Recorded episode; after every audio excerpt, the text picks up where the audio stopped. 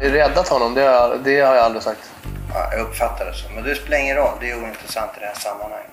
I samband med publiceringen av boken Den motvilliga monarken påbörjades en serie hemliga möten mellan kungens tidigare nära vän Anders Lettström och den dåvarande gangsten Daniel Webb. Det är inte, det är inte ointressant. Jag tycker att sådana där ord är mycket intressanta för mig. Lettström har rekryterat Webb för att förhandla med en annan gangster, Mille Markovic. Syftet är att utreda vad för komprometterande material på kungen Mille sitter på. Men Lettström och Webb har ännu inte lyckats komma överens om ersättningen för Webbs insats. Och det har börjat hetta till. Ja, Jag uppfattar det. Du uppfattar det så, men tänk på vad du börjar uppfatta nu, förstår du? Jag tycker du ska börja tänka på vad du uppfattar. De här hemliga mötena spelas dock in i smyg av Webb och utgjorde sedan grunden för en SVT-dokumentär. Kungens närmaste vänner anlitade påstådd gangsterledare... Men plötsligt försvann dokumentären spårlöst.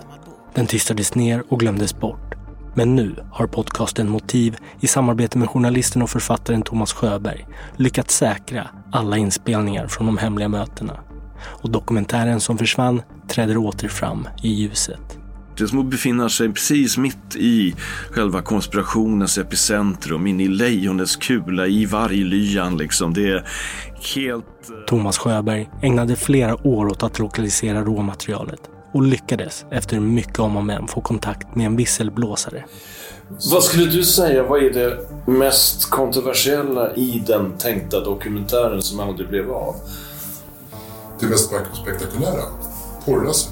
Och det framkommer att fokuset i den försvunna dokumentären låg på en man vid namn Porrlasse. En individ med både kopplingar till kungahuset och till den undre världen. Han hade ju en dold kamera i sovrummet, kommer jag ihåg. Och så raggade han upp killar då, som han tog hem. Och i hans bakgrund finns mycket som han vill hålla borta från offentlighetens ljus. Ja, för barnpornografi så kan man dömas om det är grovt brott till så mycket som sex års fängelse. Ihop alltihop så låter det liksom rätt så förskräckligt ju när, när du lägger upp det på det viset ju. Jag utgår från att det är en ganska kriminell minne människa det här antar jag. Porr-Lasse verkar konsekvent undslippa lagens långa arm. Men varför är det så? Det är, en, det är en, en figur som har en särställning i kretsen kring kungahuset skulle jag vilja påstå. Lyssna på podcasten Motiv och på dokumentären som försvann. En serie i fyra delar om mörkläggningen kring de hemliga mötena mellan aristokratin och den undre världen. Premiär den 31 maj. Jag tycker det är ovanligt korkat att de personerna går och pratar med eh, eh, sådana människor överhuvudtaget. Då. Podcasten Motiv är en del av Acast-familjen. Jag är nere där va, redan. Mm. Du har ju fan läst boken. Mm. Kan ta mer skit. Vad är det? Det finns inte mycket mer att ta.